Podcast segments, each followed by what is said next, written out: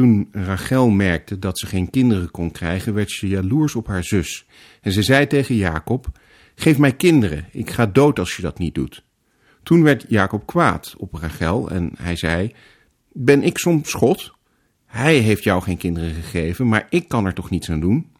Maar ze zei: Neem mijn slavin Bila, maar als bijvrouw. Als ze in verwachting raakt, moet ze haar kind op mijn knieën krijgen. Dan zal haar kind mijn kind zijn. En ze gaf haar slavin Bila als bijvrouw aan Jacob. Bila raakte in verwachting en kreeg een zoon. Nou, je hebt het misschien al gewerkt. We gaan het bij deze aflevering van Geeky Dingen hebben over Margaret Atwood en dan met name over The Handmaid's Tale. Dit is Geeky Dingen.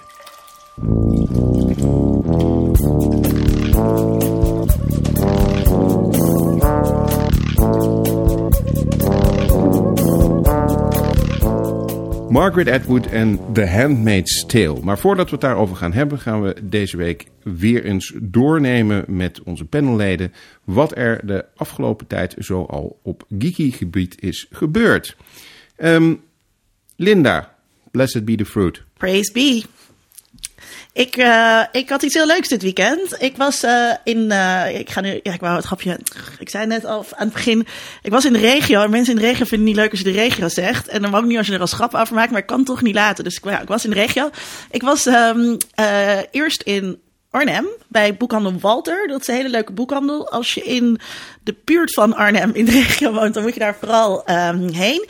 En we hadden daar een avond over uh, Buffy the Vampire Slayer. En het was eigenlijk een beetje een kopietje van vorig jaar. En vorig jaar was het op die datum 20 jaar geleden dat de eerste Buffy werd uitgezonden. Uh, en toen had Boekhandel Walter dus daar een avond over georganiseerd. Eigenlijk over wat nou de culturele impact was van Buffy. En dat was heel tof, want vorig jaar mocht ik er spreken uh, en uh, dit jaar weer. dus ik heb een beetje, nou ja, verteld over Buffy. En volgens mij gaan we het later in deze podcast ook nog over Buffy hebben. Dus ik zal dat nu allemaal voor me houden. Maar wat heel leuk was, Elfie Tromp was daar en zij was de moderator. En zij vertelde over een boek wat ik nog niet kende. En ze had net de uh, de auteur daarvan um, geïnterviewd. Het boek heet in het Nederlands De Macht en de auteur heet Naomi Elderman. En ik neem aan dat het dan in het Engels um, The Power heet. Ja, in het Engels heet het The Power. Uh, het is dus net in het Nederlands vertaald. Het is 2016 is het boek uitgekomen. En ja, uh, het heeft zowel een connectie met Buffy als met Margaret Atwood. Uh, Margaret Atwood is een beetje de mentor geweest van Naomi Elderman. En op de kaft staat dus ook, ja, en dan heb je altijd van die mensen die dat dan aanbevelen. Nou, Margaret Atwood vindt dit boek opwindend. Kijk. En dat is het ook. En het lijkt een beetje alsof het uh, begint waar Buffy eindigt. Of je zou een soort connectie met Buffy kunnen zien. Namelijk. Vampieren. Op, op een dag worden alle meisjes van 15 die realiseren zich dat ze de macht hebben om met hun handen om daar elektriciteit mee op te roepen en dus om mensen te elektrocuteren. Van over de hele wereld? Ja, over de hele wereld. En die meisjes kunnen dat dus ook doorgeven aan andere vrouwen. En uh, dus in één keer hebben vrouwen fucking fysieke macht. En als ik het nu vertel, ik word er ook helemaal blij van. Dan denk ik ook, ja, opwindend, want het is zo'n awesome idee.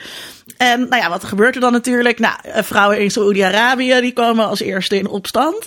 Um, en dus overal over de hele wereld, ja, slaan vrouwen terug, zeg maar. En ik, ik, ben, uh, ik ben nog niet heel ver, maar het boek is echt heerlijk. Het is dus ook echt een beetje in de traditie van, uh, van Margaret Atwood. Het is uh, science fiction, feministische science fiction.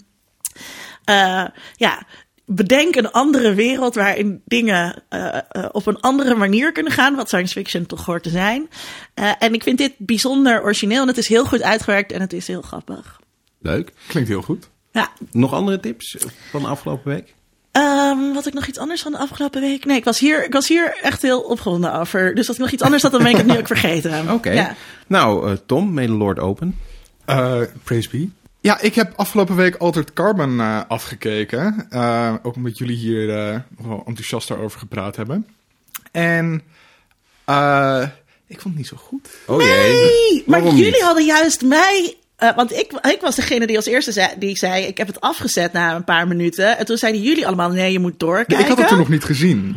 Oh. Dus maar wat, wat, wat vond je er niet interessant aan? Of niet leuk aan? Um, ik vond het heel interessant, laat ik dat wel zeggen. Het was prachtig gemaakt. Uh, het probeert heel veel te doen. Uh, en misschien te veel. Dat aan het einde, ik zat, want dan kwamen al die verhaallijnen samen. En dat moet dan, dan satisfying opgelost worden. En het boeide me allemaal niet zo. Oh jee. Ik was een beetje verveeld tijdens die hele laatste afle aflevering. Maar alleen de laatste aflevering, want daar ben ik nog niet. Of, Oh. of gewoon... uh, uh, Niet het hele ding, want ik vind het, de, de intrige en zo en oh, wat is er nou aan de hand, ehm, eh, vond ik wel goed in het eerdere delen van het seizoen. Tot hoe ver ben je? Oké, Ik geloof dat ik bij zes ben. dan ga ik verder niet te veel zeggen. Oké, ja, want je moet ook wel met aandacht kijken. eh, Ja, ik, ik, had, ik heb echt het idee dat ik dat in het begin van het seizoen te weinig gedaan heb. Omdat er aan het einde heel veel weer terugkomt. Dat ik echt Ja. aan het terugbladeren was nog net niet om te kijken eh, Ja, het is wel een wat serie- ik vergeten was. Het is wel een serie inderdaad waar je een beetje moet opletten als je aan het kijken bent wat er allemaal eh, gebeurt. Het is niet een serie waarbij je kan gaan zitten whatsappen. Of, eh, Ja, dat vind ik prettiger als ik dat Ja. wel kan. ik ben nu trouwens weer, naar aanleiding van de vorige aflevering, ben ik de, Deep Space Nine eh, heb ik aangezet. Omdat weer, en dat kan dus prima. Je kan heel goed allerlei andere dingen doen terwijl je Deep Space Nine kijkt. En het is...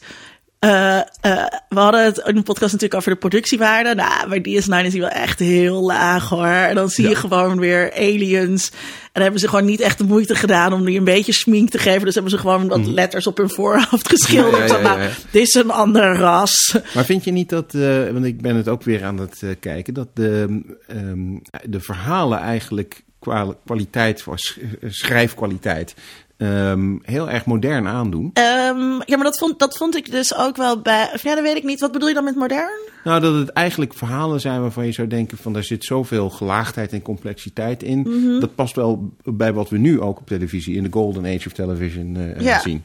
Ehm, ik keek dus gisteren die, een aflevering waarin er dan een nieuw ras door de wormhole komt. Ja. En eh, die willen de hele tijd gamen. Mhm. Eh, en eh, dan, nou ja, spoiler van de aflevering. dan Quark moet het dan, die speelt dus een spel. Maar het blijkt dan dat de pionnen waarmee hij speelt. Dat zijn dan Cisco en, eh, en Dex en, nou, en de dokter en eh, hoe heet ze ook alweer? Kira Norris? Ja, dus ik heb Kira. Oh, Cisco, Cisco, Dex en de dokter. Ja, vier. Vier mensen.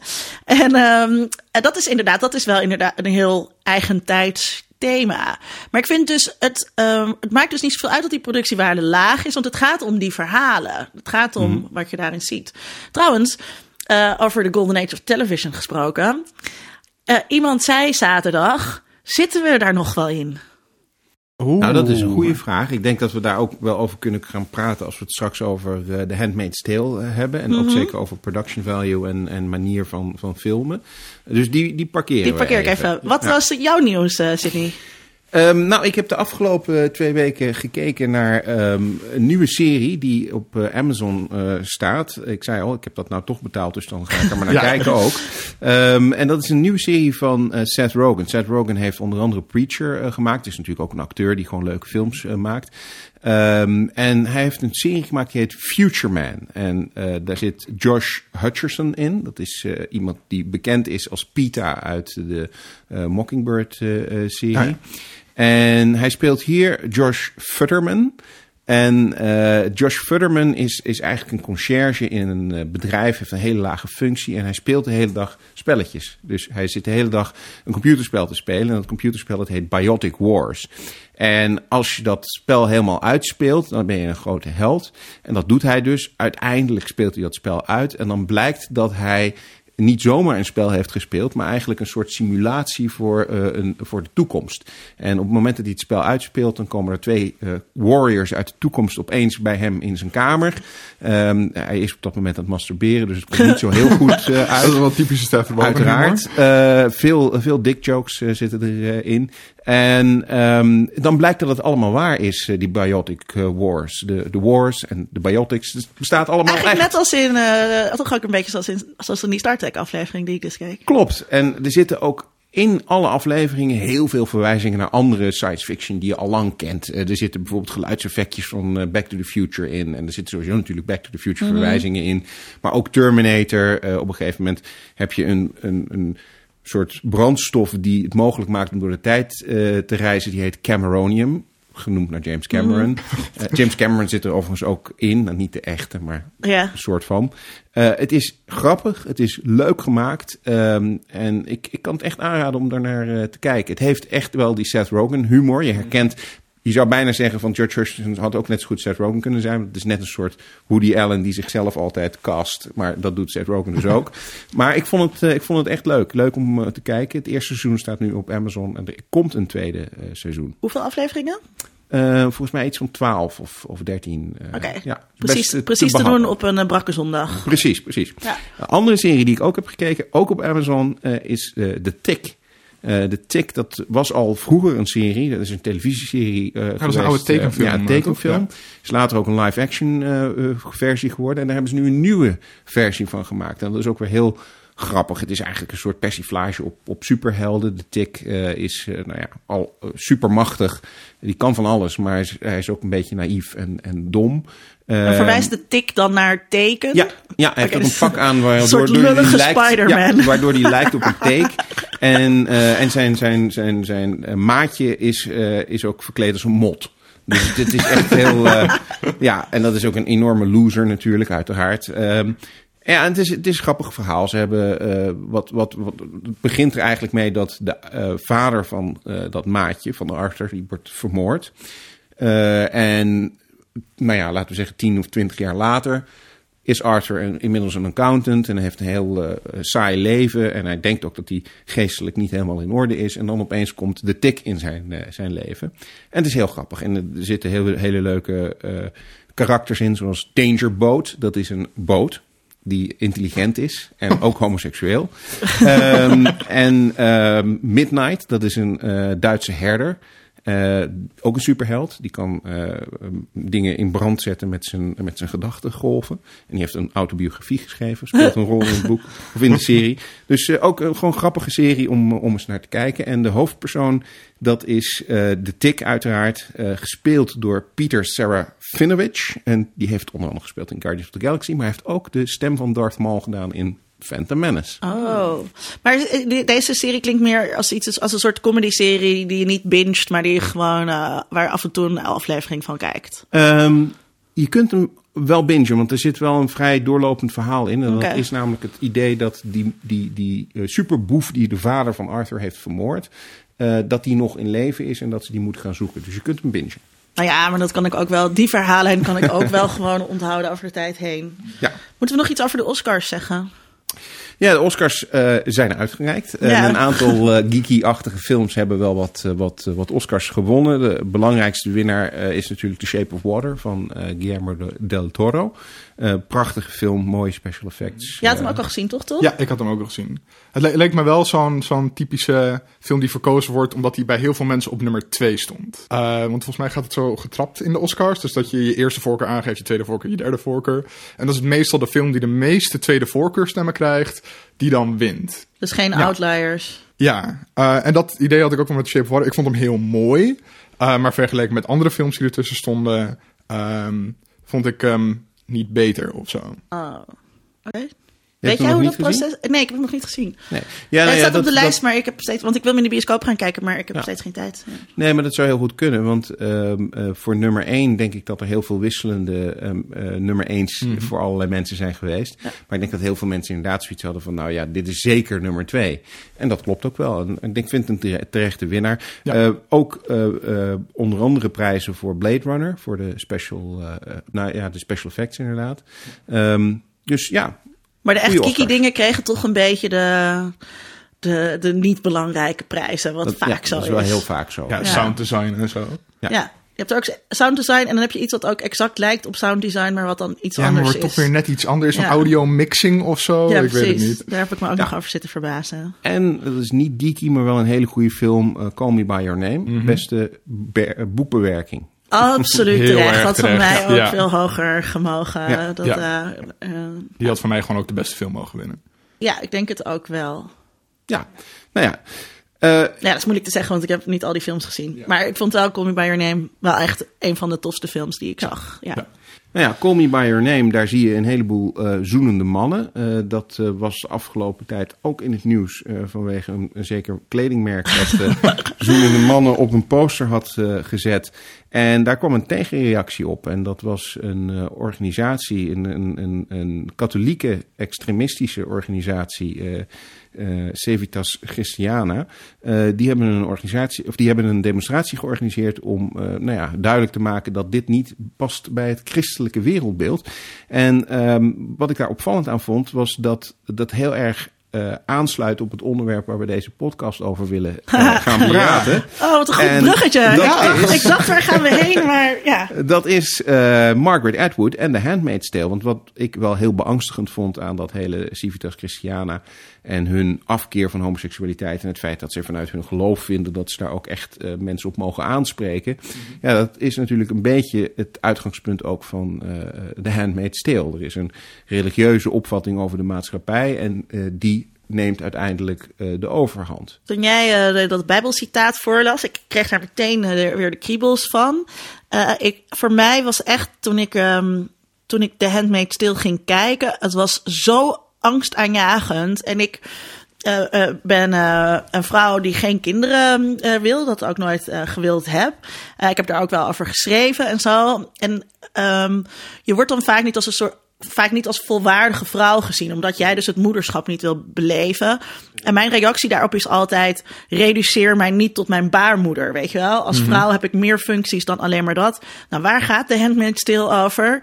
Vrouwen worden gereduceerd tot hun baarmoeder en op de allerergste manier die je kan uh, bedenken. Dus het was voor mij echt pure horror. En ja. wat ze heel erg goed doen, doen in de serie is, uh, uh, dus het is dystopisch. Uh, mm -hmm. Dus je, je, ziet zeg maar die afschuwelijke wereld in de toekomst. Maar via flashbacks brengen, laat ze eigenlijk heel overtuigend zien hoe ze daartoe zijn gekomen. Ja. ja. Omdat, um, we hadden gezegd dat het met spoilers was, hè? Ja hoor. Ja, ja, Deze aflevering is met spoilers voor de Handmaid's Tale. Dat um, op, op het moment dat vrouwen zo... Um, uh, tot slaaf eigenlijk gemaakt worden. Dat is natuurlijk niet zomaar. Dat, dat gebeurt niet van, van de een op de andere dag. En ze laten dus heel goed, vond ik dat heel goed laten zien. Oké, okay, eerst mogen vrouwen niet meer werken. En dan wordt hun bankrekening uh, bevroren. En dat elke keer is een stapje. En dat je denkt, dit kan toch niet? En dit kan toch niet waar zijn? En daarom denk ik, past de Handmaid's Tale zo goed in deze tijd. Trump natuurlijk, waarbij we ook dachten, dit kan toch niet?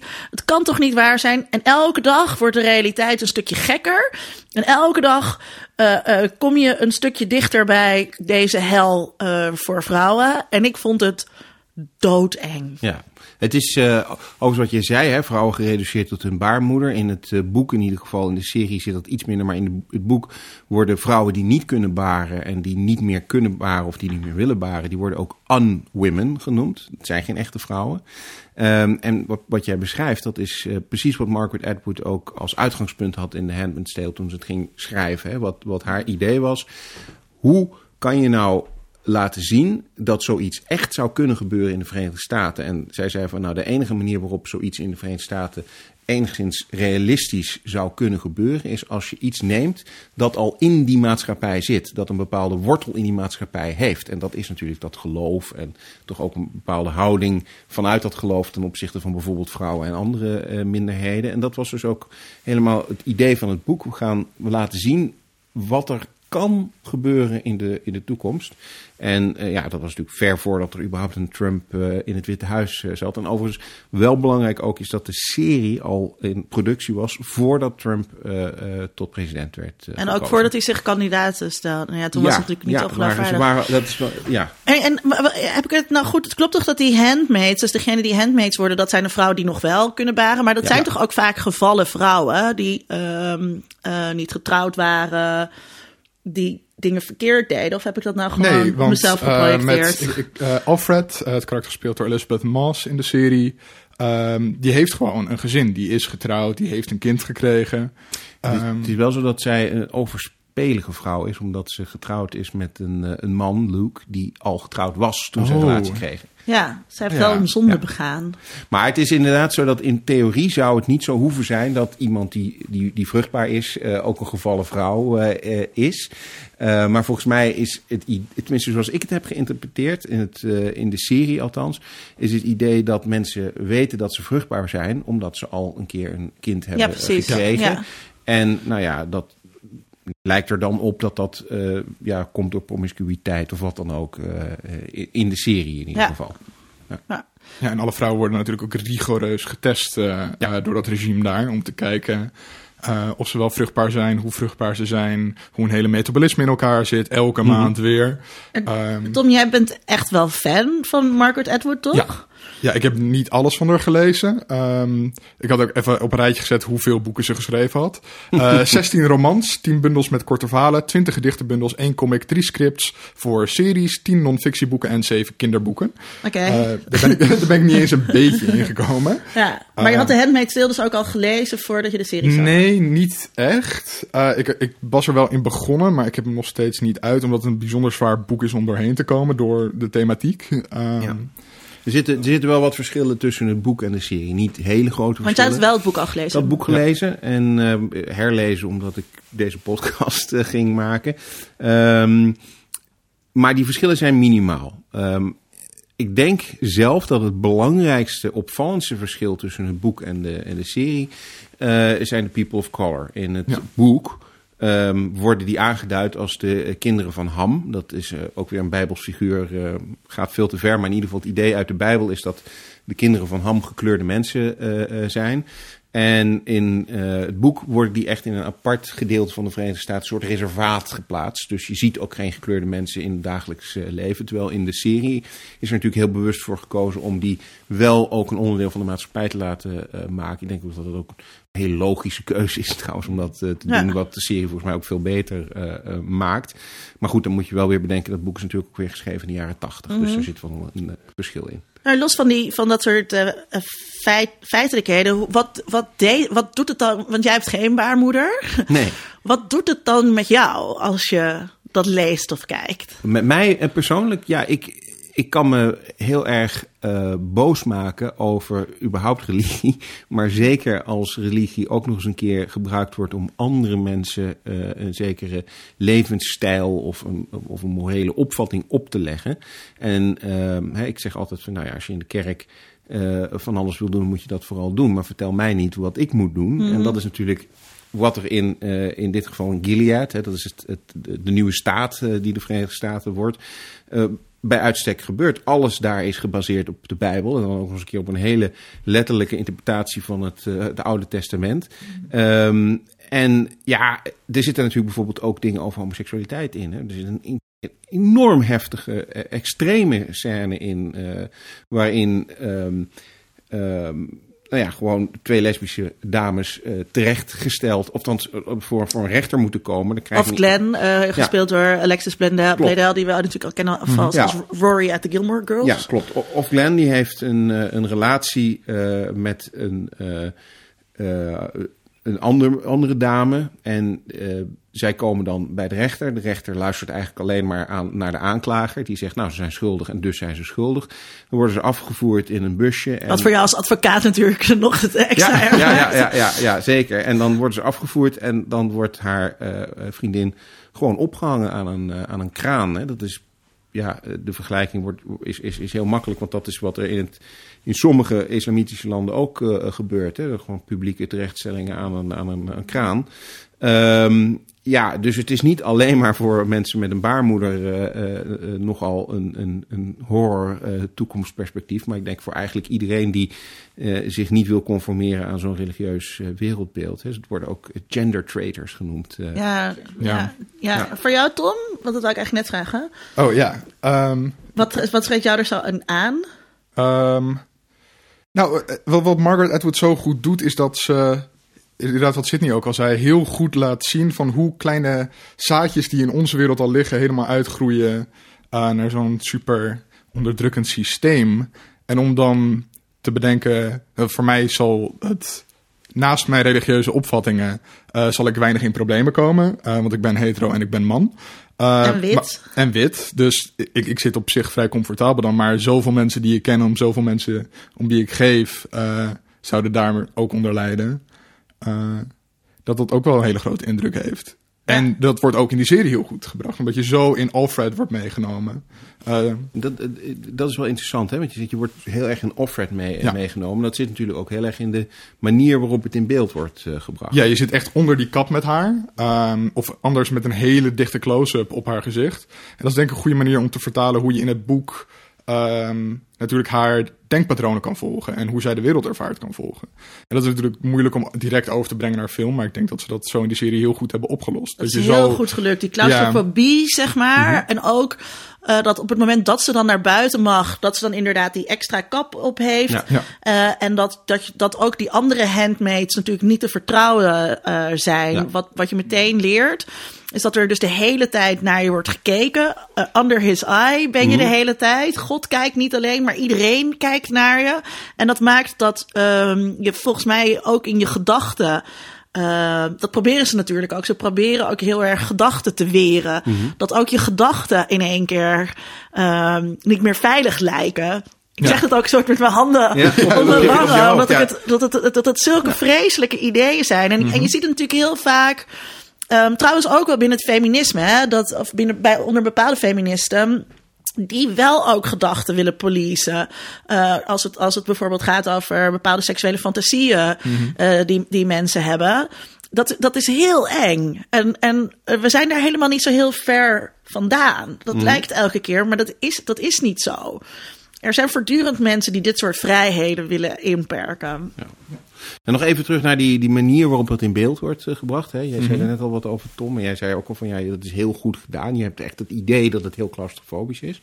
En dat is waar we het eerder over hadden, toch wel een beetje dat idee van de Golden Age of Television, wat mij betreft. Want eh, wat je ziet is dat hier echt ehm, met, met beeldtaal wordt gewerkt. En, en heel erg wordt gewerkt met cinematografie en met manier waarop dingen, ehm, hoe je ze in beeld brengt, eh, een parallel kunnen vormen met wat je wil laten, laten zien. Eh, ik heb dat niet allemaal zelf bedacht overigens hoor. Er zijn prachtige essays over eh, te vinden op onder andere YouTube. Maar een van de dingen die ze, die ze doen is dat er een hele duidelijke scherpte dieptewerking in zit. Hè. Dus er maar een heel klein stukje is scherp en de rest is allemaal onscherp, waardoor het nog claustrofobischer wordt. Ehm, die handmaids die zijn ook heel vaak eh, aan de randen van het beeld in beeld gebracht, letterlijk gemarginaliseerd. Want dat zijn ze in de maatschappij ook, maar zo worden ze ook in beeld gebracht. Of van bovenaf gefilmd, zodat ze kleiner en, en kwetsbaarder eh, eh, lijken. Ehm, en ja, die beeldtaal zit natuurlijk ook gewoon in het kleurgebruik. Maar Ja, dat, komt uit het ja. boek. Ja, dus het- gewoon die rode mantels die steken heel erg af tegen de over, tegenover de verder vrij grijze, grauwige wereld. Groene mantels van de Ja. vrouwen van eh, eh, de, de, de hooggeplaatste religieuze leiders. Ja, het is wel heel belangrijk om het goed eh, te krijgen met de kleur. Want het zijn eigenlijk blauw-turquoise mantels. En de verwijzing is naar de heilige maagd Maria. Die draagt ook altijd een blauw-turquoise eh, gewaad. Eh, en die vrouwen van de hooggeplaatste Echt mannen... de kleur van de televisie bijstellen. Ja. Blauw Oh. turquoise. Ja, het is, het, is, het, het is echt, dat zo heeft Margaret Atwood het ook, ook, ook beschreven. Het is echt het idee, zeg maar, de kleur van de heilige maagd Maria, blauwig. Dat is het, eh, de kleur van de vrouwen van de, van de, van de commanders. En inderdaad, de, de handmaids die hebben de rode kleur. En die rode kleur ja, die kan voor een heleboel dingen eh, staan. Is onder andere een kleur die wordt gebruikt voor de andere Maria in eh, de Bijbel. De hoer. Inderdaad. Eh, Magdalena. ro- rood is de kleur van Maria Magdalena. Blauw, turquoise is de kleur van Maria, de heilige maagd. Ehm, en rood staat natuurlijk voor vruchtbaarheid. Het staat voor menstruatie. Het staat voor alles wat zeg maar, met vruchtbaarheid eh, te maken heeft. De, de ants die hebben het ook nog een kleur en dat is bruin. En eh, dat is weer een verwijzing naar eigenlijk militaire uniformen en naar fascisme. Fantastische rol ook trouwens eh, Ja. van die vrouw die die belangrijkste Aunt speelt. Ja, Aunt Lydia is Lydia. Anne Dowd. Ja. Ja. eh, zelf speelt ook een van die Ja, aunts. ze eh, in heeft een cameo, ja. Ze heeft een cameo en ze heeft ook een cameo in de andere eh, serie die onlangs verfilmd is. In Alias Grace heeft Margaret Atwood ook een cameo. En als ze er dus nog eentje doet, dan is ze eigenlijk de Stanley van dit soort series. En ik moet er een beetje om lachen. En want ik zat te denken, als dan Michael dan heel boos worden als ik Margaret Atwood dan eh dus vergelijk met, eh met, Met Stan Stan Lee. Lee. Ja, Ja. er Nou, komt het een is nieuwe niet serie aan. ja. eh, de Mad Adam trilogie. Klopt. Ehm, wordt verfilmd. Daar zijn ze al een paar jaar mee bezig. En dat wil nou niet echt van de grond komen. Maar in januari is het opgekocht door Paramount. En zij zijn nu op zoek naar een zender of een streamingplatform om dat uit te geven. Ja, is ook science fiction. Dus wat Ja. dat betreft helemaal in geeky dingen past het. Ja, Ehm, want dat was nog even eh, de vraag. En Michael is er vandaag niet bij, maar die, er zijn de vraag eigenlijk die hij misschien ons wel mee heeft gegeven van waarom past dit nou bij geeky dingen? Misschien nou, is dat wel past- aardig om even op in te gaan. Zeker, zeker. Nou ja, sowieso is Margaret Atwood vrij geeky. Ze is eh, opgegroeid eh, in de jaren 40 met, eh, met comics. Eh, daar heeft ze verhalen vertellen mede van geleerd. Ze maakte vroeger als kind ook comics. Eh, ehm, en ehm, ze schrijft ook nu tegenwoordig een comic. Dus in die zin een echte Stan Lee. Dat, eh, dat is een comic die gaat over een man die verandert in een... eh, half kat, half vogel. Dat heet Angel Catbird. Ehm, dus ja, en het kijk, de Handmaid's Tale is natuurlijk gewoon dystopische toekomst. fantasie is misschien niet eens het juiste woord, schrikbeeld. Dus wat mij betreft is dat heel geeky. Ja, het is, het is denk ik, weet je, geekiness wordt natuurlijk heel vaak geassocieerd ehm, met ehm, jongens. Ik, ik, Hm? kies, ik zeg expres niet het woord mannen, waarbij er. Dus nerds worden vaak ook gezien als een soort als een gemankeerde mannelijkheid, omdat het eh, kinderachtig zou zijn en niet macho en niet stoer en zo. Maar tegelijkertijd is die geekwereld natuurlijk ook best wel eh, eh, een mannenwereld waarin jongens ook hun domein claimen, zeg maar. Ja. Tom? Ja, nee, dat, dat merk je natuurlijk ook met dingen als Gamergate. eh, dat de geeks zitten van nee, games zijn van ons. Meisjes moeten hier wegblijven.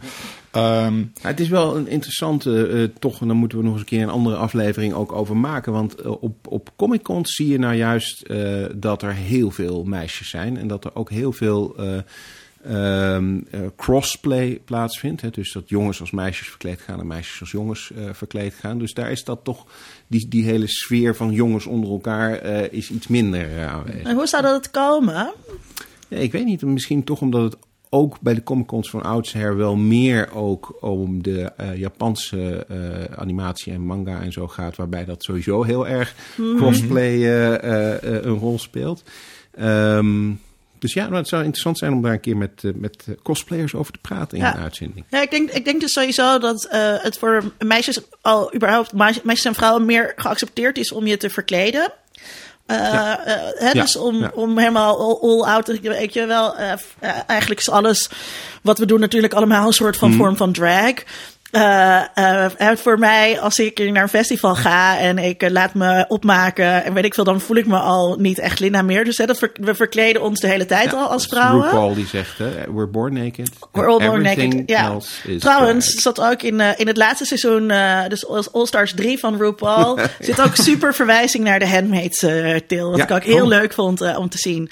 Maar Nog even terzijde, want ik, over cosplays gesproken. Comic Con vorig jaar in San Diego, daar waren ook echt Handmaid's Tales cosplays. ja, dat vraag ik me nou af, want dat, maar dat is ook wel een beetje makkelijk dan. I- Ja, maar, het, het- het- maar omdat het makkelijk is, ziet het er ook meteen echt heel erg goed uit. Ja. Dat, het ziet er heel echt uit. En eh, eh, er waren dus vrouwen die als, als handmaids verkleed waren. En dan, als je dan een foto van ze nam, dan gingen ze eerst in een hele onderdanige pose staan. En daarna deden ze hun eh, rechterarm omhoog Ja. eh, van eh, protest. Dus dat is toch wel weer een, een leuke cosplay. Ja, maar die zie je nu ook steeds meer verschijnen met politieke protesten in de Ja. Verenigde Staten. Dat mensen gekleed als handmaids eh, naar protesten komen eh, tegen Trump bijvoorbeeld bij de Ja. March on Women.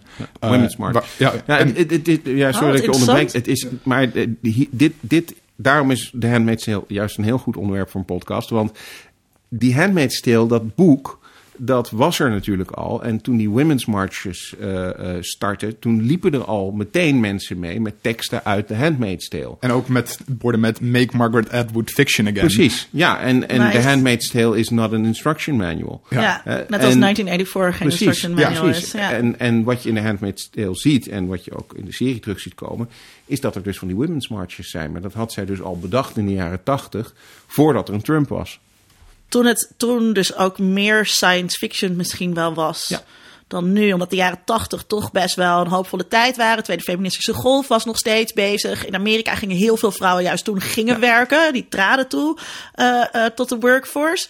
Uh, terwijl je nu juist... Um, uh, daar weer beperkingen in mm -hmm. ziet komen. Nou, ik denk wel dat je in de jaren tachtig onder Reagan een, een, nieuwe golf aan christelijk fundamentalisme zag in de Verenigde Staten. En dat is echt waar zij naar keek uh, terwijl ze dat boek schreef naar mm. de ontwikkeling in de Verenigde Staten in de jaren tachtig. met dat republikeinen ineens veel meer vriendjes werden met fundamentalistische christenen. Hm. Het is ook wel belangrijk dat Edward zichzelf geen feminist noemt. Dat, nee, een bad feminist noemt ja. ja, en er is natuurlijk ook uh, onlangs door de MeToo-beweging... had ze weer had ze iets gezegd... en mm. toen waren er allerlei jonge feministen die dat haar niet in dank mm. afnamen. Ja, stammen, stammenstrijd. stammenstrijd. Nog even naar uh, de, het verhaal van, uh, van de Handmaid's Tale uh, zelf. misschien dat we het straks ook nog even over Alias Grace gaan hebben. Zeker. maar jij zei ook al van ja, er wordt eigenlijk wordt je individuele, individualiteit wordt weggehaald in, in, uh, in Handmaid's Tale. En dat doen ze door bijvoorbeeld die uniformen te dragen. Hè, als iedereen een uniform heeft, dan is er dus minder individualiteit. Maar ze doen het ook bijvoorbeeld door, door taal. Uh, en dat is natuurlijk ook een discussie die we zeker de uh, laatste twee jaar hebben gezien als het gaat over genderneutraal uh, taalgebruik en dat soort dingen. En het is natuurlijk ook gewoon Foucault, maar het idee dat taal wel iets betekent. En um, dat zie je in de handmaids veel heel duidelijk, omdat de handmaids niet mogen lezen. Ja. Tom. dat is een van de dingen die me eigenlijk het angstaanjagendst leest. Dat je niet meer kennis van de wereld om je heen op kan doen mm -hmm. buiten dat wat jou verteld wordt. Uh, en dat wat jou verteld wordt is heel weinig, want er zijn geen, ook, ook geen tv's en radio meer nee. echt in Handmaid's Tale. Uh, dus je wereld wordt zo klein. Ook weer zo'n claustrofobie. Um, ja, dat, dat, is een van de dingen die me toch Hoe kan meeste... je dat nou... Ja, dat is dan toch echt dat jij geen baarmoeder hebt. Want het meest mm -hmm. angstaanjagende is natuurlijk... nee, okay, ja. ja, je okay, verkracht sorry. wordt en de vrouw van jouw verkrachter houdt je vast tussen haar ja. benen. Ik bedoel, ja, dat ja, beeld...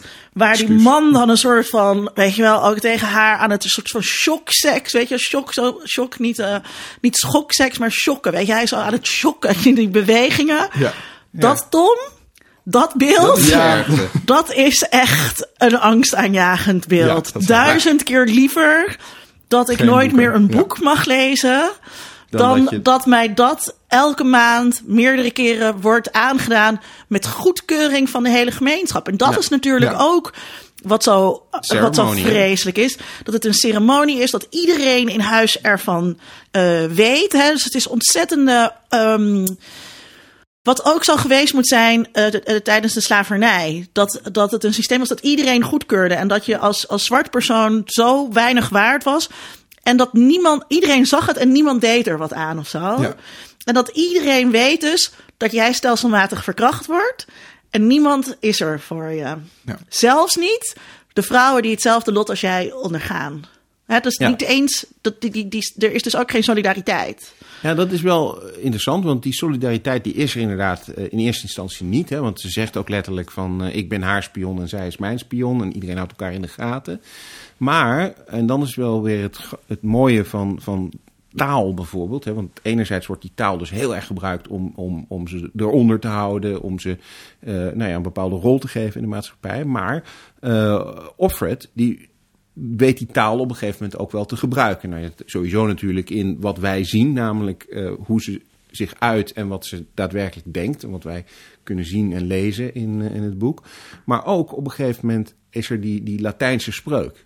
Hè? Althans, het is geen echt Latijn, maar eh, wat is het? Nolite te bastardes carborundorum. En, Hij eh, zit in de, in de kast, wordt Ja. ze opgesloten, meen ik. En Ja. eh, dan ziet Ja. ze dat iemand dat daar ingekerfd ja, heeft. de vorige Offred heeft dat daarin gekerfd. Die is, die is Ook sowieso die namen, bedoel, Als je het over taal Ja. hebt en het uitgummen van je persoonlijkheid. Dat, of had je dat al gezegd? Nee, had ik nog niet. Ja, dat, dat, dat, eh, en, dat, en dat je nieuwe naam... Ik, ik heet dan dus gewoon van Sydney. Ja, bijvoorbeeld. Of Tom. Ja. Ah. Ik kwam daar echt schokkend laat achter van dat dat kwartje viel bij mij Dat van. duurde mij ook een tijdje, ja. Oh. Dat Oh. is het dus. Ja. Ja, maar dat Ja, komt ja. ook omdat ze... ehm, eh, eh, dat, dat, hoe ze het uitspreken, Offred... Ja. De, de klemtoon ligt anders, dus daardoor duurt het ook even. Ik weet niet, als je het boek leest, heb je Ja, het misschien klopt, sneller klopt. door. Nee, Ehm, nou, niet per se. Het, het wordt, wel, het wordt wel uitgelegd in het boek ook, maar Ja. het wordt ook in de serie uitgelegd. Ja, maar het duurt een tijdje. Ja, Maar, het, maar het interessante is dus dat die, die, ehm, die taal en, en die term, handmaids ook, hè, bijvoorbeeld, dat is gewoon, je bent dus geen vrouw of, of, eh, of Linda, maar je bent een handmaid. Eh, maar die wordt op een gegeven moment dus ook toegeëigend. Hè. Dat is wat, wat je bijvoorbeeld ook eh, eh, nou ja, bij eh, gekleurde mensen in de Verenigde Staten met het N-woord eh Queer is ziet. daar ook of queer, van. of flikker, of nicht. Hè. Dat zijn woorden die beledigend zijn, maar die door de gemeenschap kunnen worden omarmd. En dat zit natuurlijk ook in, de, in, in, in een van die afleveringen. Dan zegt ze ook van we are handmaids. En nou, dan komt die Latijnse term weer. En dan zegt ze we are handmaids, bitches. Hè, dus met andere woorden, van je, en, en in het boek wordt het dan zo gezegd van ja, als je, als je niet zou willen dat wij een leger vormen, dan moet je ons geen uniformen geven. Ja, daar dat is ook een prachtig het zin. team Ja. van, de, van, van het verzet natuurlijk. Ja, ja. Ik had er nog niet zo eh, over nagedacht. Dan moet ik het toch. Ja, ik, wil, ik, heb, wil, ik heb eigenlijk geen zin om het nog een keer te gaan kijken. Jawel, moet je zeker doen. Dat Moet is het, het, het, het, het, valt me zwaar. Het is net Het is als ook, eh, ja. Mhm, Hotel Rwanda of zo. Weet je? Dat is ook een goede film die je meerdere keren zou moeten zien. Maar je denkt nooit, hè, laat ik die weer eens gezellig Ja, nee, aanzetten. Dat, dat is ook waarom ik nu al drie keer, denk ik, het boek heb weggelegd. Omdat ik dan elke keer s'avonds thuis kom van de universiteit of zo. En dan zit van, nee, dank je. Want is er, is er want het, het seizoen eh, eindigt eh, hoopvol. Ja, Eh, het- komt, het- er, het komt er een tweede seizoen? Jazeker, Ja. dat komt En eh, is het het- volgende maand al Is uit. het boek. ehm, Het is, nee, heeft het boek een gesloten of een open einde? eh, open einde, maar het, het, het- dit eerste seizoen is eigenlijk het boek. Het boek is hierna afgelopen. Het boek eindigt ook met je hebt hetzelfde nu niet idee meer dat kennis dan wij. Nee, nee, nee, nee. Het, het boek eindigt eigenlijk precies zoals de serie, althans precies ongeveer zoals de serie eindigt, namelijk dat ze in een zwart busje wordt gezet en dat Nick zegt van, nou ja, vertrouw ze maar. Eh, en dat er dan dus een toekomst is, maar hoe die eruit ziet, dat weet je niet. In die zin weet je het wel, want het, eh, het raamvertelling van het boek, en eh, daarom is bijvoorbeeld het audioboek van eh The Handmaid's Tale ook zeker de moeite waard. wordt gelezen door Claire Danes. Oh, nice. En het, de, rand, de raamvertelling is dat Offred. In het boek kom je er nooit achter hoe ze echt heet. Eh, in de serie wel, hè, June, maar in het boek niet. Die spreekt dat verhaal in op cassettebandjes. En die worden later gevonden. En daar wordt dan uiteindelijk op een symposium over gesproken. En dat is het boek. Eh, dat is het verhaal wat er, eh, wat er vertelt. En dat is eigenlijk net als bij 1984, waar het boek natuurlijk ook heel veel naar verwijst. Dat je aan het einde een soort overzicht van termen hebt. Dat wordt ingeleid met dit zijn de termen die ze vroeger gebruikt in deze samenleving. Dus Ja. je weet dat er ergens een toekomst is na, na Ja. het Ja. verhaal. En dat dat beter is. Maar hoe ze daar komen. Ja, er zitten sowieso veel verwijzingen toch naar 1984. En Ja. de, de, de liefdesinteresse waarvan je niet weet of die te vertrouwen eh, is. Ja. Dat de 1984 natuurlijk ook zo sterk is. Klopt, klopt. Ik Dus- vond trouwens ook ehm, Mrs. Waterford Mhm. eh, eh, heel gaaf geacteerd. Sowieso Heel natuurlijk goed, ja. Elizabeth Moss, zij is super gaaf. Hallo. Eh, eh, sinds een Mad Men. Mhm. Iedereen houdt, houdt van haar. Ze is, zit wel, ik heb daar wel wat moeite mee. Want, het, want de ver- vergelijking tussen de Handmaid's Tale en die, die maatschappij... en bijvoorbeeld Scientology is ook duidelijk aanwezig. En Ja. zij is wel Ja. Scientology. Oh, aanhanger. is zij Scientology? Ja, dat Is maakt het, kijken Ja. wat, wat moeilijker voor Ja. mij, moet ik zeggen. Snap ik. Maar dus eh Yvonne ehm eh, Strahovski, die Mrs. Waterford Mhm. speelt, die trouwens eh, eh, eh, we kennen van eh, Dexter. Ja. Ehm, maar ook natuurlijk van Chuck. Keken jullie dat? Dat is ook zo'n serie die zonde is dat die gestopt was. Chuck ging over met een nerdy gast. Die eh, in één keer, wat was het ook weer, door de FBI Ja. eh, eh, geroepen bleek te zijn. Want hij heeft een chip in zijn zijn hoofd. hoofd, ja. En, eh, eh, en eh, Yvonne, die is heel knap is, die speelt dan dus een FBI-agent die hem moet begeleiden bij die missies. Hele leuke serie. Oké. Nou ja, Mrs. Waterford, Serena Joy is haar voornaam. en Commander Waterford, oftewel Fred, hè, want daarom is het of Fred. gespeeld door de broer van Rafe Fiennes. Voldemort, zijn broer dus. Ehm, De knappere is deze. ja, en dat is wel ook weer een, een dingetje. Ehm, in het boek zijn zij veel ouder. En, en veel onaantrekkelijker ook. Eh, Oh. en dat is niet per se erg hoor. Want ik bedoel, in, in, in, in de serie krijg je ook wel een zekere sympathie voor Serena Joy op een gegeven moment. Omdat je wat meer te zien krijgt over haar verleden. En dat ze En hoe, eigenlijk... wat, wat, wat, want dat is wel. eh, eh, ehm, we maken eerst je argument even af, dan wil ik daar nog iets over zeggen. Nee, nee, Ja. inderdaad, dat het dus in die zin wel ook wel weer interessant is dat ervoor gekozen is om, om dus wat jongere en wat aantrekkelijkere mensen in die rol eh, eh, te zetten. Ehm, enerzijds problematisch, maar anderzijds maakt het da- dat eigenlijk ehm, ook wel weer interessanter. Waardoor je namelijk ook van eh, Waterford, eh, Fred Waterford, eh, bepaalde flashbacks krijgt waarbij je een, bijna een soort van sympathie krijgt voor ja, dat het allemaal zo gelopen is. En dat maakt het spannender, vind ik. Ja, ik denk dat als je het dan over de Golden Age of Television Mhm. hebt, wat kenmerkend is voor de Golden Age, is dat karakters inderdaad gelaagd zijn en dat niemand nooit echt slecht is. Daarom is House of Cards bijvoorbeeld een slechte serie en vind ik die niet passen bij de Golden Age of Oh. Television, omdat hij gewoon slecht is. En dat waren mensen vroeger op televisie, terwijl Tony Soprano, eh hoe heet die man uit Breaking Bad, die zijn allemaal gelaagd, zeg maar. En dat zit in de Handmaid's Tale, dat hebben ze goed gedaan. Daardoor is het ook Eh, hou je het vol, zeg maar, over die afleveringen heen. Omdat anders het verhaaltje misschien toch wel heel dun is. Dus dat deze gelaagdheid die erin komt, het, het, het, het prettig kijken maakt.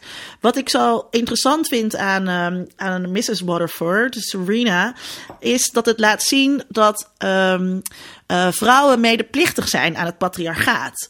Ehm, hè, dus het patriarchaat is niet iets wat mannen eh, ons aandoen, zeg maar. Dus ik weet zeker dat jullie niet een maandelijkse vergadering hebben. eh, waar- denk jij. waar je hierna wordt. gelijk Ja. door. Maar, maar eh, en vrouwen werken daar ook aan, aan mee. Doordat er bepaalde opvattingen van vrouwelijkheid zijn. Of dat ze meegaan in religie. Eh, de vrouwen die voor Ja. Fox News werken. zijn Nou, er ook een goed voorbeeld Serena van. Joy die heeft een boek geschreven voordat dit allemaal... Hè, nu, nu, Ja. nu zou ze dat niet meer mogen, want vrouwen mogen niet lezen en schrijven. Ja. A Woman's Place.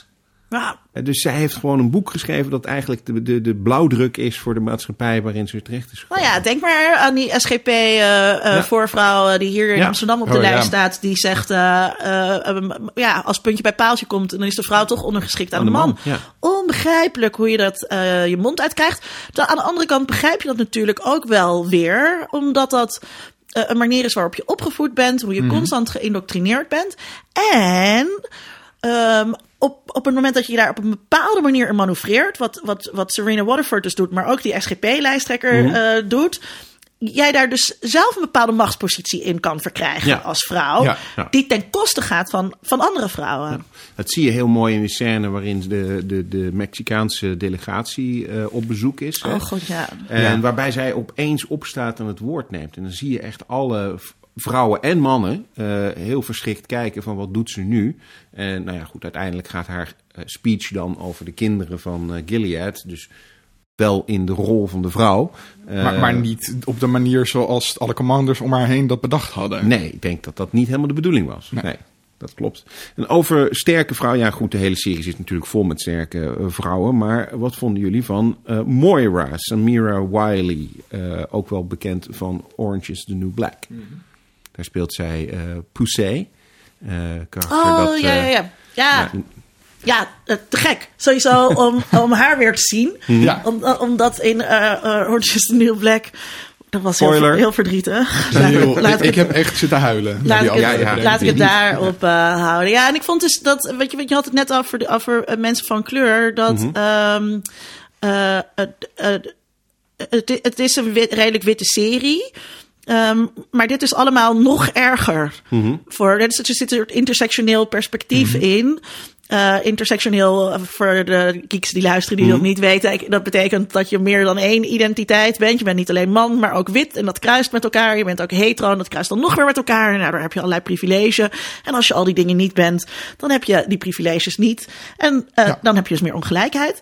Ehm, ja, dat, dat, dat krijg je heel duidelijk te zien dat het voor haar nog erger is. ja, want ze is gekleurd, ze is lesbisch, ze is vrouw.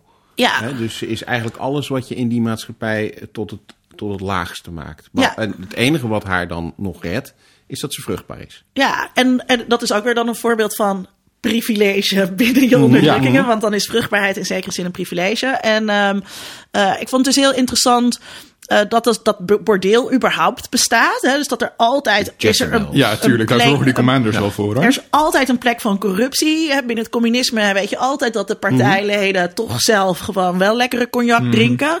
En ik zag het niet aankomen, maar ik had het wel moeten zien aankomen dat dat er was. En ehm, dat Moira dan dus ook eh, ehm, in eerste instantie die positie wil behouden. En, Ja. en, en, en geen gevaar wil lopen. Ja. Ja, het is heel opmerkelijk. Het is dat, ook dat onderdeel is ietsjes anders dan in het boek. In het boek, ten eerste ontsnapt ze alleen en gaat niet, of Fred, oh, eh, June gaat niet met haar mee naar dat eh metroplatform. Dat, dat in het boek is, is het alleen Moira die ontsnapt. En ze komen elkaar wel tegen bij ehm eh, Jezebels, alleen eh, daar gaat ze niet nog een keer terug zoals in de, in de serie. En in de serie weten we inmiddels dat Moira daadwerkelijk ook ontsnapt. Maar dat gebeurt in het boek niet. Dus in het boek is haar lot nogal duister, eh, of, of je kunt zeggen open, maar waarschijnlijk... Als je het boek leest, dan is het idee van nou ja, wat gebeurt er met die Jezebels als ze op een gegeven moment niet meer aantrekkelijk en niet meer geschikt zijn. Dan gaan ze naar de kol- kolonies en daar sterven ze allemaal. Ehm, Maar sterven ze dan een rustige dood van nee, nee, nee. De, de, wat in het boek wordt beschreven is dat de, de, de onvrouwen en de, de, de, de, nou ja, de oude vrouwen. Hè, want in het boek zit er bijvoorbeeld ook, eh, wordt ook heel duidelijk beschreven dat geen oude vrouwen meer rondlopen. Want die worden ook allemaal naar de kolonies afgescheept. En wat die doen is, eh, is eigenlijk eh, chemisch afval en, en troep opruimen totdat ze de dood bij, eh, bij neervallen. Of dat ze uitgehongerd eh, zijn. Ehm, en dat, dat speelt weer een beetje in. Ja, ja, nee, dat speelt in op het thema wat voor Margaret Atwood heel erg belangrijk is. In heel veel van haar verhalen en in haar eh, eh, activisme is ook het milieu heel belangrijk. Hè. Dus misschien ook weer niet, niet geheel ontoevallig omdat ze uit Canada komt. Natuurlijk enorm wijdstrekte. in Gilead, de, de, naam van deze Blessed Bee staat, die adverteren zichzelf ook heel erg met wij zijn heel groen. Ja, precies, precies. Ja, maar dat is Eh, ook precies wat, wat, ehm, wat ze in hun kleine stukje nog wel hebben. En in de rest van de wereld, door de oorlog die Gilead voert volgens mij, eh, met de voormalige Verenigde Staten, is er dus een soort van environmental collapse. Ja. Maar- Nou ja, en het is ook wel, het wordt gesuggereerd ook in de serie, maar zeker in het boek, dat dat daarvoor al gaande was. Hè? Want daardoor zijn die vrouwen Ja, onvruchtbaar geworden. precies, ja. En daardoor zijn er dus steeds minder eh, kinderen die geboren worden. En nogmaals, dat is een, echt een thema in het werk van Edward, is eh, respect voor de natuur en het feit dat wij de natuur eigenlijk om zeep helpen. Ja, dat zie je ook in de Mad Adam-trilogie. Mhm. Daar gaat het ook heel erg over dat de hele wereld een beetje naar de kloppen gaat door klimaatverandering. Eh, en dat de mensheid naar de knoppen gaat door een wat ijverige wetenschapper die mensheid uitroeit, omdat hij denkt het klimaat te redden. Dus Edward zegt ook wel zo van, jongens, draaf er niet in door. Eh, maar let er wel op. Zullen, we, zal- zullen we dit gebruiken als een soort bruggetje naar eh, Elias Grace? Ja, nog, ik wilde nog twee dingen zeggen over, over ehm, de handmaid zelfs het mag. Ehm, Want wat, wat wel heel interessant is, waar ik pas achter kwam toen ik een interview met Margaret Atwood eh, daarover las. Ehm, deze vrouwen worden gedwongen om kinderen te krijgen. Forced childbirth, dat is het, eh, het, idee. En een hele duidelijke parallel is er al. Hè, We hebben afgelopen jaar eh, niet alleen die Civitas Christiana gehad met hun anti-kussende mannenposters, maar zij deden ook mee aan de Mars voor het Leven. De Mars voor het ja. Leven in Den Haag, die gaat over het feit dat abortus fout is en verboden zou moeten worden en dat het eigenlijk moord is. En wat zij zegt is van pro-life is eigenlijk forced childbirth. Dus als jij vrouwen verbiedt om abortus te plegen, dan dwing je ze dus om te bevallen. Ja, dat hoef je mij niet te vertellen als vrouw. dat, dat, is, dat is iets wat ik denk dat, dat iedere vrouw zich heel erg goed realiseert. Omdat je eh, eh, hè, eh, zelf ervaring hebt gehad met abortus, of omdat mensen om je heen ervaring hebben gehad met abortus, of in ieder geval met. eh, je, je kent gewoon genoeg mensen, vrouwen om je heen. Die zaten, oh my god, ik denk dat ik zwanger ben en ik wil dat niet. Dus het is gewoon een soort van eh, realiteit die er voor ons heerst. Ehm, die, die ontzettend eng is. Hè? Omdat je, ja, je leven wordt daardoor gewoon overhoop gegooid. En niet zo'n beetje, oké, je zou kunnen zeggen dat je leven eindigt. Bovendien, eh, hè, als je te jong moeder wordt, eh, betekent dat ook dat jouw dochter weer een kans heeft om te jong of Ja. eh, moeder, moeder te worden voor jouw kinderen. Er wordt allerlei ellende doorgegeven. Armoede heeft daar ook mee te maken. Het is, het is echt levensverwoestend. En, en ja, die, dat, dat brengt zij, zij, zij, zij maakt dat dus heel visueel, of nou ja, textueel. Uh, zij legt dat heel mooi bloot. Terwijl ik denk dat dus voor, voor iedere vrouw, ja, die weet dat heel goed. Maar ik vind het dus heel fijn om te horen dat jullie dan dus ook nu daar, zien, daar ja. de horror van inzien. Ja, omdat Margaret Atwood dat zo goed je meeneemt in hoe Ja. mensen dat ervaren. In die zin is het echt een serie voor mannen. Absoluut. Ja. Ik denk dat alle mannen gedwongen moeten worden om deze serie te kijken. Ehm, het, het tweede wat ik nog wilde zeggen voordat we het over Alias Grace hebben, is dat eh, wat ook natuurlijk bijzonder logisch is, maar om de een of andere manier niet logisch is en daarom opvalt, is dat deze serie ook gemaakt wordt door vrouwen. Hè? De Ja. regisseurs, eh, niet allemaal, maar in ieder geval zeker van de eerste paar afleveringen, vrouwen. Eh, in de schrijversruimte waar die afleveringen worden geschreven, zitten heel veel vrouwen. Dus de serie wordt ook echt gemaakt door vrouwen. En ik denk dat dat, ja, nogmaals, het is een beetje bizar dat we dat überhaupt moeten benoemen. Maar dat dat natuurlijk cruciaal is eh, om, om een serie die zo over vrouwen en over dingen die vrouwen meemaken gaat. Dat je daar ook vrouwen bij betrekt om dat te maken. Ja, dat is wel, is wel interessant. We waren gisteren, eh, toen ik eh, mijn tweede dag in de regio was, was ik eh, op het Internationaal Filmfestival in Assen. Ja. Waarbij internationaal betekent dat ze films van buiten Nederland laten zien. Het is niet eh, een Engelstalig festival bijvoorbeeld. Maar ik was daar om in een panel te zitten over de film L van Paul Verhoeven. Eh, en ehm, nou ja, dat was een interessant panel. Maar je, je merkt heel erg dat die film door mannen is gemaakt. En Ja. dat boek eh, waarop het gebaseerd is, is ook door mannen geschreven. En het is een personage dat bestaat in de hoofden eh, van mannen. En dat is hier heel, bij, bij Margaret Atwood's personages heel duidelijk niet het geval. Maar- Nou ja, en dat is ook natuurlijk met Alias Grace. Want Ja. dat is ook eh, duidelijk een, een, een vrouwcentrisch eh, verhaal. Er zitten wel veel meer mannen in eh, rollen in dan in eh The Handmaid's Tale. Want eigenlijk behalve, Alias- behalve Grace zijn alle andere figuren voornamelijk eh, eh, mannen. Tom, Ik heb de serie nog niet je gezien. hebt hem nog niet Nee. gezien. Nou ja, Dus dan wil ik wel van jullie eh, weten wat jullie ervan vonden. Ik vond eh veel minder goed dan, eh dan The Handmaid's Tale. Omdat The Handmaid's Tale dus inderdaad ook eh, cinematografisch echt zo fantastisch is. De opbouw vind ik heel erg gaaf. Hoe erin gespeeld wordt vind ik allemaal heel erg goed. En ik hou van dat dystopische. Ik ben minder geïnteresseerd in historisch drama. Alias Gray speelt zich af in de 18e eeuw. Dus dat vind ik al minder, tenzij het met piraten is of ehm, vikingen. Dat is dit heel duidelijk niet. Er zit wel iets met een boot in, maar dat is het. Ehm, maar is de wat, boot vanuit Ierland. Ierland naar Canada. ja, dus ehm Alias Grace gaat dus over. eh, zo- eh, Het is, een, het is historische fictie. Het is Ja. gebaseerd op een, op een waar gebeurde moordzaak. Maar het verdere verhaal is, is, is fictief. Ja, dus Alias Grace is de hoofdrolspeelster en die vertelt over haar leven. Eh, en hoe zij eh, als jong ehm, eh, meisje dus inderdaad naar Canada kwam. Maar ook hoe zij veroordeeld is voor een moord. En vervolgens, zij vertelt dat verhaal aan een arts. Die moet beoordelen veel later in haar leven of zij schuldig is of niet. Ja. En zij pant die arts een beetje in. En waar het heel erg mee speelt, is natuurlijk met het feministische thema. Het gaat over seksueel geweld. En, en het feministische thema dat daarbij hoort, is dat vrouwen vaak niet geloofd worden. En eh, dat is dus, kijk, en Alias Grace eh, is dus een onbetrouwbare verteller. Ja. Of we weten niet of ze betrouwbaar is als verteller, maar daar wordt heel erg mee eh, gespeeld.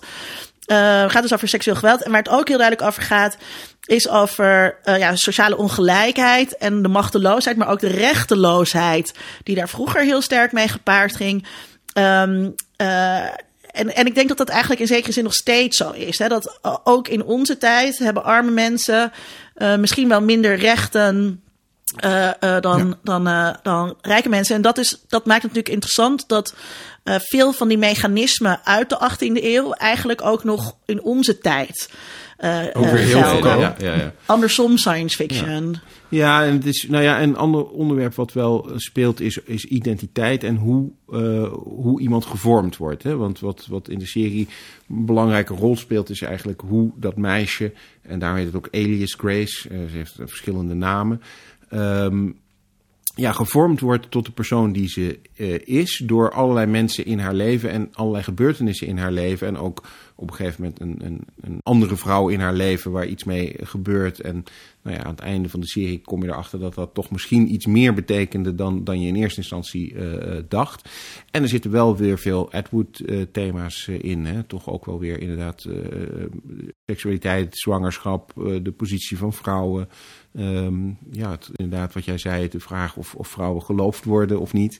Um, maar nou. ook wat, wat, wat jij zegt over identiteit. Heel sterk, uh, 18e eeuws ideaal was natuurlijk dat vrouwen zacht en zachtmoedig uh, waren. Hè. Dat, dat soort denken uh, kwam op in de 18e eeuw toen middenklasse opkwam. Het hoort heel erg bij middenklasse waarden. En die zie je ook dat die dus geprojecteerd worden op haar.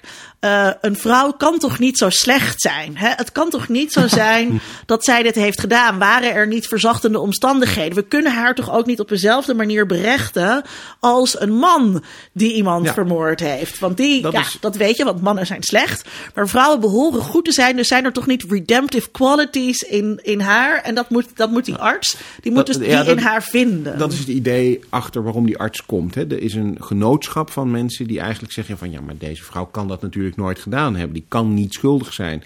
Die kan niet zo'n moord hebben gepleegd.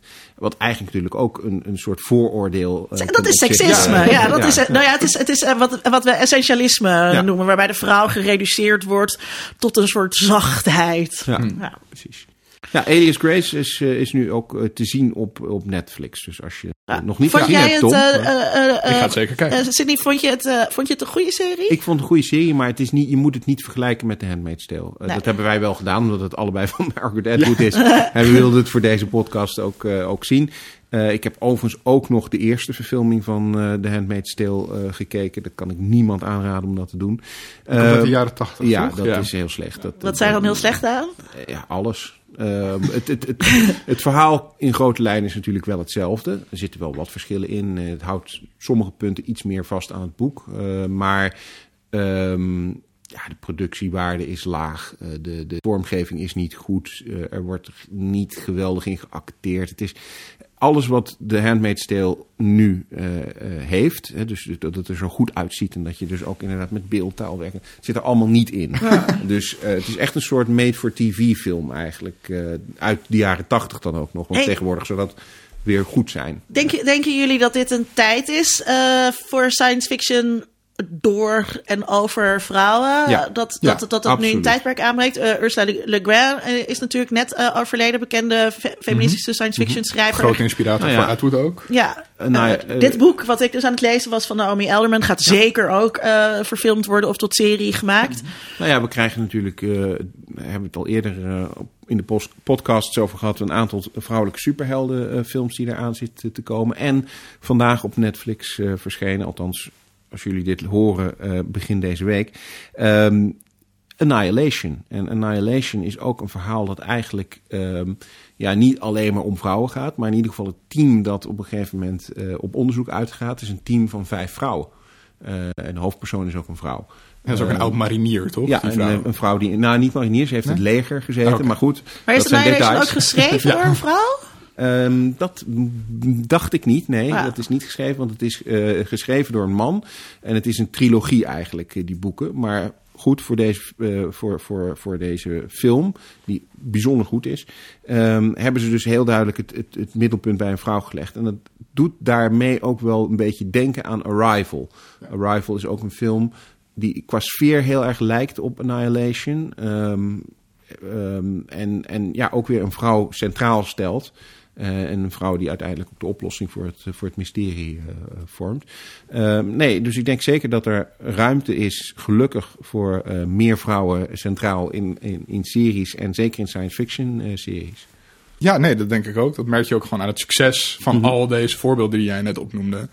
ik denk dat daardoor studio's ook wel gaan inzien dat dit niet een financieel risico dat, uh, is dat ze nemen of een dingetje dat ze doen omdat het moet. Moeten we misschien ook nog even noemen dat Black Panther nu door de 1 miljard ja, dollar uh, heen is gegaan. Ja. Hoera voor Black Panther. Mm -hmm. Ja, en nu deelt hij ook de top 2 uh, samen met Eva DuVernay's nieuwe film. Ik ben even de naam daarvan kwijt. Oh, Wrinkle to, Through Time. Ja, Wrinkle Through Time. die is ook afgelopen week in geopend. In Time. en die staat nu op de nummer 2 van highest grossing films van het afgelopen weekend. Ja, dus dat gaat heel goed. Oké. Ja, ik, heb- ik, ben, eh, ik ben er heel benieuwd naar. Nog even terug te komen op wat we in de eerste aflevering van deze podcast bespraken. Ehm, het gaat natuurlijk niet zozeer om dat er meer vrouwen te zien moeten zijn. Maar het, het, het, het, de aantrekkelijkheid ervan zit dat er, dat er dan dus andere verhalen worden verteld. En dat Ja. is denk ik wat zo sterk is in de Handmaid's Tale. Hè? Dat dat, dat ja... eh, dat gaat over iets wat vrouwen raakt. eh, en niet op een, op een andere manier. Terwijl. ehm, eh, ik weet niet of dat bij Annihilation nou ook is. Maar dan moet ik het eerst voorzien en dan kan ik Nee, daar nee, nee. terugkomen. Annihilation is veel meer een straightforward... Nou ja, het is Ja. niet waar. Het is niet, niet straightforward. Want als je het gezien hebt, dan heb je waarschijnlijk heel veel vragen. Eh, maar het is in die zin iets meer straightforward eh, science fiction verhaal. eh, en, en, en niet een verhaal dat over vrouwen gaat. Maar het- nogmaals, het is wel opvallend dat die hoofdfiguren allemaal vrouwen eh, eh, zijn. Eh, ik zou bijna zeggen net zoals de vorige Ghostbusters. Maar dat is eh, misschien niet de beste vergelijking.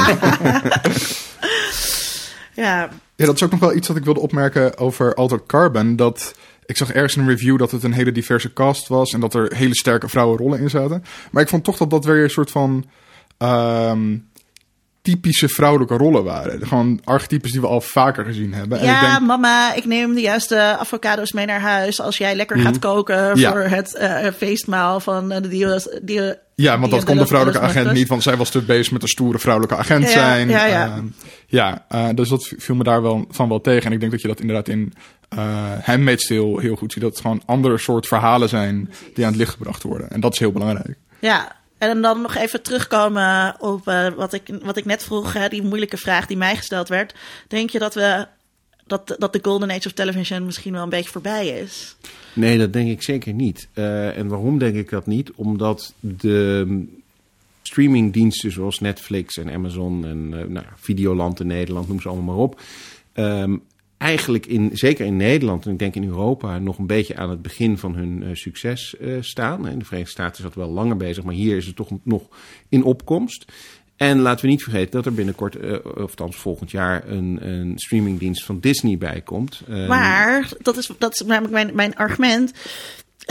Er zijn nu gewoon niet de fantastische series die we eerst hadden. hmm, nou ja, de Handmaid's De grote uitschieters. Nou, misschien de Handmaid's Tale, maar die is natuurlijk ook alweer van 2016. Nee, van vorig jaar, 2017. 2017. Eh, ik vind het heel moeilijk dus om die grote dingen te bedenken. En wat er heel veel is, zijn gewoon goede series. Dus er Met zijn hele grote budgetten. met hele grote budgetten, met bekende acteurs die daaraan werken.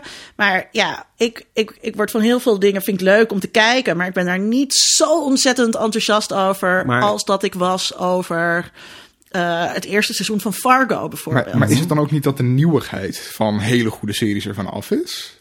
Er Want is een dat- nieuwe standaard, denk ik. Hè? Dat, dat, dat, dat, daar moet je niet in vergissen. Ik denk dat de series die nu gemaakt worden, daar hebben we het bij Star Trek Discovery ook over gehad. eh, er is een nieuwe standaard waaraan zo'n serie al moet voldoen om überhaupt nog bekeken te, te worden. En eh, om daar dan weer overheen te gaan, dan zou je dus eigenlijk weer een nieuwe Golden Age misschien Ja, eh, dus ik moeten we, hebben. we maar- zitten dan nu een soort van in de Silver Age.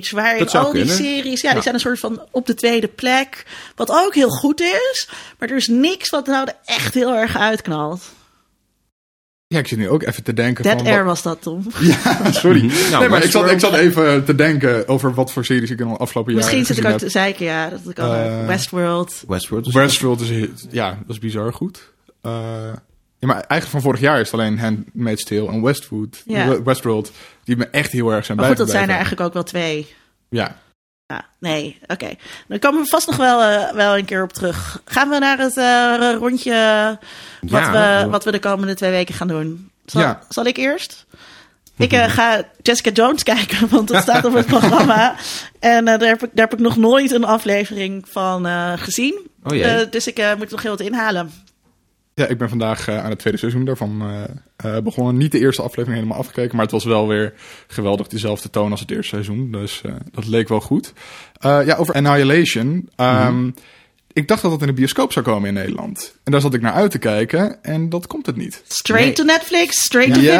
video. Ik heb het al vaker hier gezegd. Ja, alleen in de VS en China Ja. komt hij in de bioscoop. Is al geweest in de bioscoop. Hij staat nu, vanaf, vanaf nu kan je hem kijken op, op Netflix. Ja. dat vind ik toch wel erg jammer. Ik ben daar ook geen voorstander voor. Niet van, vanwege dat idee, wat ik nog steeds wel een grappig idee vind, wat ik in een eerdere podcast zei, namelijk uh, vroeger, of je had straight-to-video Mhm. voor, voor uh, films die een beetje soort van gedumpt werden, dat ze niet in de bioscoop gezien mochten worden en dat dat misschien de ondergang van Netflix zou kunnen zijn.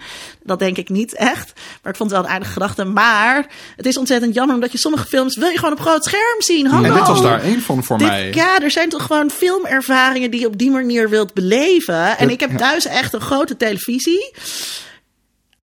Maar television is so huge, it's like huge, it's like huge television. Maar dat is niet hetzelfde, zit niet? Nee.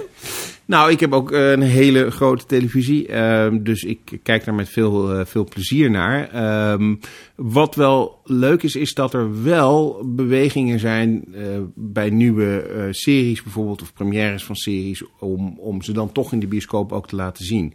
Um, dat zou ik eigenlijk wel meer willen. Sowieso, zeg maar, de meer geeky filmavonden zouden in Amsterdam of in andere plaatsen waar jullie ook luisteren, misschien wat vaker mogen, mogen plaatsvinden. Want het is heel leuk om samen met andere geeks, nou ja, bij wijze van spreken Indiana Jones op het grote scherm nog een keer te zien. En niet alleen maar op je eigen televisie. Um, maar dat gebeurt nu soms met series ook wel, uh, maar nog niet uh, vaak genoeg. En zoiets als, als Annihilation, ja, het lijkt me, ik vind het in die zin ook wel een gemiste kans hoor. Want ik denk, als die film dan toch op Netflix uitkomt, huur een avond Tuschinski af. laat hem daar dan toch in première gaan voor een selecte groep Netflix-freaks die daar een prijs hebben gewonnen of iets dergelijks. En je kunt er echt iets leuks mee doen. Maar, nee, ik denk ja. ook dat het, dat het getuigt van, een, van niet, niet zo'n goed begrip van uh, wat de wisselwerking is tussen film en, en thuiskijken, zeg maar. Hè? Dus dat uh, op het moment dat heel veel mensen dat dan, of dat een bepaalde groep mensen dat in een bioscoop gaat zien en daarover gaat twitteren.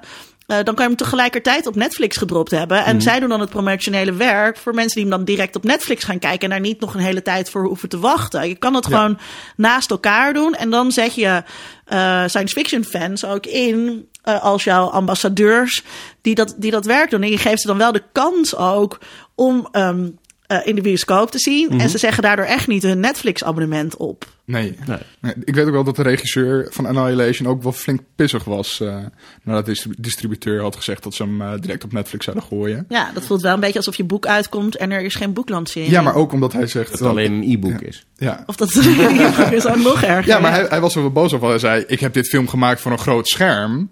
Uh, om op een bepaalde manier beleefd te worden. Um, en als jij dat ineens op een heel klein schermpje alleen gaat uitbrengen, dan heb ik mijn werk voor niks gedaan. Uh, ja, ik wil het ook nog hebben over een andere film die direct naar een klein scherm gaat. Uh, Fahrenheit 451 gaat ja. verfilmd worden. Met Michael B. Jordan, um, die uh, in Black Panther speelt. Ik ben nu even zijn naam kwijt. Killmonger. Killmonger. Ja, uh, die gaat de hoofdrol spelen en die komt in Moet mei... ik nog even Dan Hessler Forrest mensen. Dat hebben, oh. mensen hebben we nog niet gedaan in deze, in deze aflevering. Oh, nee. En uh, toen uh, Dan bij ons de gast was over seksrobots. Mm -hmm. in een andere podcast, in Onder Media Doctoren. En we vroegen hem, wat voor seksrobot zou jij willen hebben? En toen zei hij, eentje die op Michael B. Jordan lijkt. dus Dan is ook nog even gementioned. Heel begrijpelijk. Mm -hmm. en Michael B. Jordan is wel echt voor heel veel mensen een, het sekssymbool van nu. Ja, Zeker, ik kan er wel in komen. Sydney krijgt een beetje weken ogen. ja, maar, die trailer van Fahrenheit 451 die uh, kwam de afgelopen week uit en die zag er heel vet uit. Maar gaat dus ook straight to Netflix? Nee, straight to HBO. Het is echt door HBO gemaakt uh, om direct uh, op hun platform te komen. Mm-hmm. En dat doen ze wel vaker. En ik vind het eigenlijk wel jammer ook weer Um, dat het dan met deze film moet gebeuren. Ja. Want het is ook met Michael Shannon uh, als de villain volgens mij. Uh, dus Niet ook heel meer vet. doen streamingdiensten. Mm. Sydney, waar, waar ben jij? Uh, um, nou ja, ik moet zeggen, er de, de, de was wel, wel, wel meer nieuws uh, over dingen die uh, meteen op streaming terecht gaan komen. Waaronder de nieuwe Star Wars televisieserie, die gaat eraan komen. De, zo gezegd, Disney gaat volgend jaar hun eigen streamingdienst lanceren. En zeer waarschijnlijk als, als zeg maar vlaggenschip van die streamingdienst komt er een Star Wars televisieserie. Um, en nou ja, de afgelopen week werd, werd bekendgemaakt dat die er gaat komen. En, en, nou, Animatie? Niet... Of, uh... Nee, de, de, de, de, animatieserie is net afgelopen. Hè? Star, Wars, Wars Rebels uh, heeft oh, net... Rebels. Nee, Rebels, ja. Die hebben net de laatste aflevering gehad. Waarin ook meteen weer geteased wordt wat de volgende animatieserie gaat zijn. Maar kijk jij die ook allemaal? Ook al die animatieseries? Ik kijk dat allemaal, ja. ja. ja. Maar dit wordt echt een live-action televisieserie. En dat is wel interessant. Er is al eerder een poging gedaan om een live-action serie te maken. Er zijn iets van 100 scripts al eh, geschreven voor afleveringen van die serie. Maar uiteindelijk is dat niet doorgegaan. Maar gaat er nu dus echt eh, eh, komen. En ehm, ja, daar ben ik heel benieuwd naar. Want daar zijn heel veel fans juist wel enthousiast over. Omdat het idee van een serie, ten opzichte misschien weer van een film, eh, is dat je in zo'n serie, als je dat doet, zoals in Game of Thrones of in Westworld of noem het maar op, kun je daar iets heel fantastisch en heel nieuws van maken, wat we Ja. in Star Wars nog niet kennen. Ja, en je en kan kan je ook- echt personages uitdiepen. Ja. Ja, maar ook delen van de Star Wars wereld laten zien die we normaal in de films, die toch wel heel erg high stakes zijn, eh, niet te zien krijgen. Gewoon wat meer dagelijks leven. Dat lijkt me ook wel interessant Ja. om te zien. Dus daar Ja, ben ik. in eh, Cloud City. Ben ik erg eh, benieuwd naar hoe dat eruit gaat zien. En verder, eh, ja, we gaan langzaam naar eh, de première van Ready Player One. Eh, ik heb het boek gelezen, dat is, eh, kan ik iedereen aanraden, zeer de moeite waard. Ik ben erg benieuwd naar de film. Het is Steven Spielberg. Dat, eigenlijk bijna alles wat Steven Spielberg maakt, dat, eh, dat vind ik erg goed. Eh, maar ik moet zeggen, van wat ik van Ready Player One tot nu toe gezien heb, eh, ben ik een beetje benieuwd, om het maar heel voorzichtig te zeggen, hoe het eruit eh, gaat zien en wat het gaat worden. Maakt trouwens eh, eh, de podcast heel erg rond, omdat we natuurlijk hadden over die aflevering van Star Trek die keek waar ook de mensen in een game komen te Oh zitten. ja, ja. Dun, dun, dun, dun. nou ja, Ready Player One is, is, is, is ook weer een ander bruggetje. Want, ehm, kijk, Ready Player One is geschreven door een geek. Het wordt ook de he- heilige graal van eh, geekiness eh, genoemd. En waarom? In dat verhaal ehm, eh, komen allerlei verwijzingen voor naar, naar series en films uit de jaren 80 en 90. En, en, en computerspelletjes vanaf de eerste Atari, et cetera, et cetera. En ehm, het is dus eigenlijk een boek dat helemaal eh, meelift op die golf van nostalgie. Die er al een tijdje gaande is. J.J. Abrams met zijn eh, films. eh, nou, Ready Player One. Steven Spielberg die eigenlijk nu een soort van verwijzingen naar zichzelf in zijn film gaat opnemen. Wat natuurlijk heel meta is om te doen. Weet je wat een van de eerste series was die dat deed? Dit soort popculturele verwijzingen maken? Buffy. Ja? Valt heel, ik heb dus twee jaar geleden of zo heb ik alles weer herkeken van Buffy. En een jaren negentig eh, serie. En zij eh, deden dat dus. Dus de Scooby Gang maakte allerlei verwijzingen. En dat was toen heel bijzonder. Dat gebeurde toen nog niet zo veel. Omdat fandom en geekiness nog niet zo gevierd werden zoals dat nu werd. En zij waren dus een van de eerste series die dat deden. Nou, cool. En om, wat ik al zei, het bruggetje helemaal compleet te maken. eh, want eh, we gaan deze aflevering afronden. Maar niet voordat we jullie vertellen dat we de volgende keer gaan praten over. Nostalgie. Precies. Dus eh, zeker de volgende keer ook luisteren. Maar voor je dat doet, eerst al onze social media liken. We hebben een Facebookpagina, we hebben een Twitter-account. Je kunt een recensie achterlaten op iTunes. En dat helpt niet alleen ons, maar ook andere geeks om onze podcast te vinden. Ehm, luister, laat je commentaar bij ons achter. En wie weet hebben we het de volgende keer wel over jouw opmerking. Dankjewel Linda. Under Dankjewel his Tom. eye. Je moet nu nog, wat, je moet nu nog iets, iets grappigs zeggen. Je kan bijvoorbeeld zeggen... Ik ben Medelord open of- Medelord open. Ja. Want be het the was fruit. ook alweer, sorry. Nou, Praise be ook voor jou, Ja. Sydney. En dit was Geeky Dingen.